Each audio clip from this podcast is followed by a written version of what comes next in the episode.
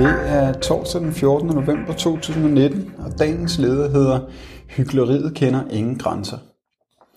Mette Frederiksen og hendes regering står vagt om en stram udlændingepolitik. Det har vi hørt til ulidelighed, og i øjeblikket kan vi så opleve det sørgelige faktum, at det betyder, at Socialdemokratiet anfægter både retsprincipper og internationale konventioner. Intet er tilsyneladende heldigt. I tirsdagens spørgetime i Folketinget handlede en stor del af debatten om Ahmed El Hay, som mand, mandag ankom fra Tyrkiet til Danmark, hvor han blev anholdt. Det står fast, at Ahmed El Hay, øh, som forlod Danmark i 2013, i flere år har været en del af islamisk stat. Det står også fast, at han er dansk statsborger og er vokset op i Aarhus. Alligevel hører vi Mette Frederiksen udtale, at det er fuldstændig forrygt, at Danmark skal tage imod ham. Og hun kritiserer, at FN's statsløse konvention, som Danmark hidtil, øh, nej, som Danmark har tilsluttet sig, beskytter en mand, som har vendt sit land ryggen og alligevel har ret til at komme tilbage. Statsministerens udtalelse kommer i forlængelse af, at regeringen for nylig har vedtaget en lov, der gør det muligt for udlændingeministeren administrativt at fratage IS-krigere deres danske statsborgerskab.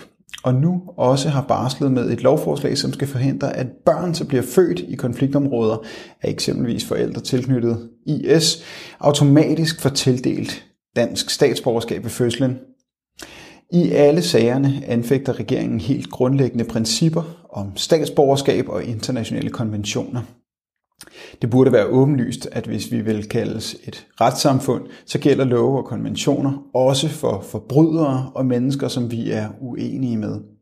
Det burde også være åbenlyst, at vi som et rigt samfund med velfungerende domstole sagtens kan håndtere de mennesker, som har været udrejst for at kæmpe for islamisk stat. For naturligvis skal de straffes for de forbrydelser, som de har begået. Regeringens politik er, som professor Eva Schmidt siger det, dybt hyklerisk. Hun siger, vi vil ikke have vores egen statsborger hjem, men vi anbringer selv udlændinge på tålt ophold, for at de skal rejse hjem igen. Og vi kritiserer de lande, der ikke vil tage deres statsborgere hjem. Det er så sandt, som det er sagt.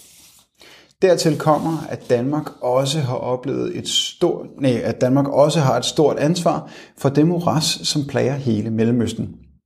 Vi har konsekvent støttet, eller selv været part i de krige, som har skabt mere og mere kaotiske forhold og givet plads for ekstreme bevægelser som netop islamisk stat. Nu forsøger vi så at tørre regningen af på alle de andre. Hykleriet kender til synlædende ingen grænser. Men Socialdemokratiet står vagt om en stram udlændingepolitik. Du har lyttet til dagens leder fra Arbejderen. Abonner på vores podcast på iTunes eller hvor du ellers hører din podcast. Du kan også klikke ind på arbejderen.dk for meget mere journalistisk indhold.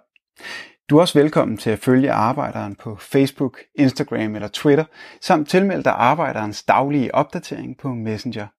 Vil du i kontakt med Arbejderens redaktion, kan det ske ved at sende en mail til redaktion Tak fordi du lyttede med.